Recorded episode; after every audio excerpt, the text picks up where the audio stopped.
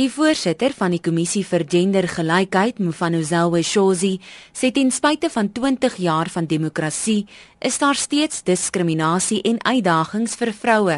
One of those challenges that we're facing as a country is around the issue of gender-based violence, early childhood marriages, the ukutwala, the sexual violence that is also problematic, the killing and rape of LGBTI community. And we need to deal with these issues. We need to work together and stop finger pointing 'n Regter by die konstitusionele hof, Sisi Kampepe, sê vroue in landelike gebiede word steeds onderwerp aan die magstrukture ingevolge die inheemse reg. In a series of particularly interesting cases, the court has had to balance the right of traditional communities to practice customary law which is recognized in the constitution with the right to equality.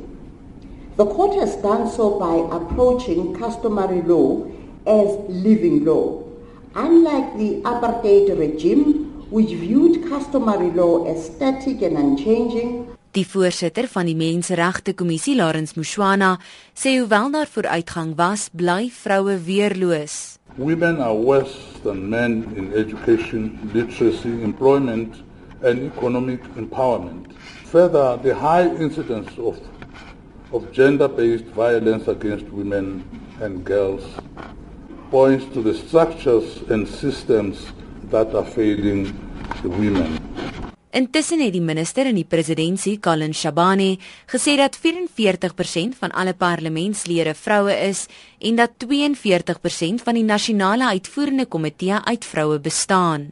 Our performance on gender equality is evident both in the international and regional indices. On the Southern African Development Community's Gender and Development Index, we were ranked second in 2012 with a score only slightly lower than that of the top performer, which is Seychelles. On the World Economic Forum Gender Gap Index, South Africa has consistently remained in the upper levels. When it comes to empowering women, the South African government also outperforms the private sector.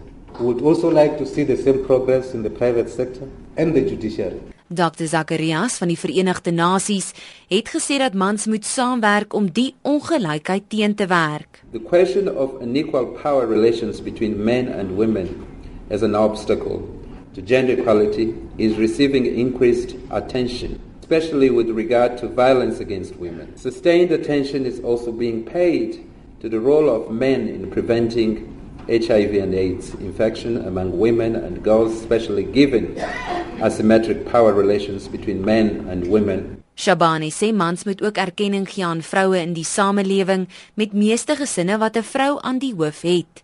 Hy sê die regstelsel fokus nou daarop om meer seksuele oortreders in hegtenis te neem en te vervolg. Hierdie verslag van Tabila Mapanga. Ek is Melissa Tuggie in Johannesburg.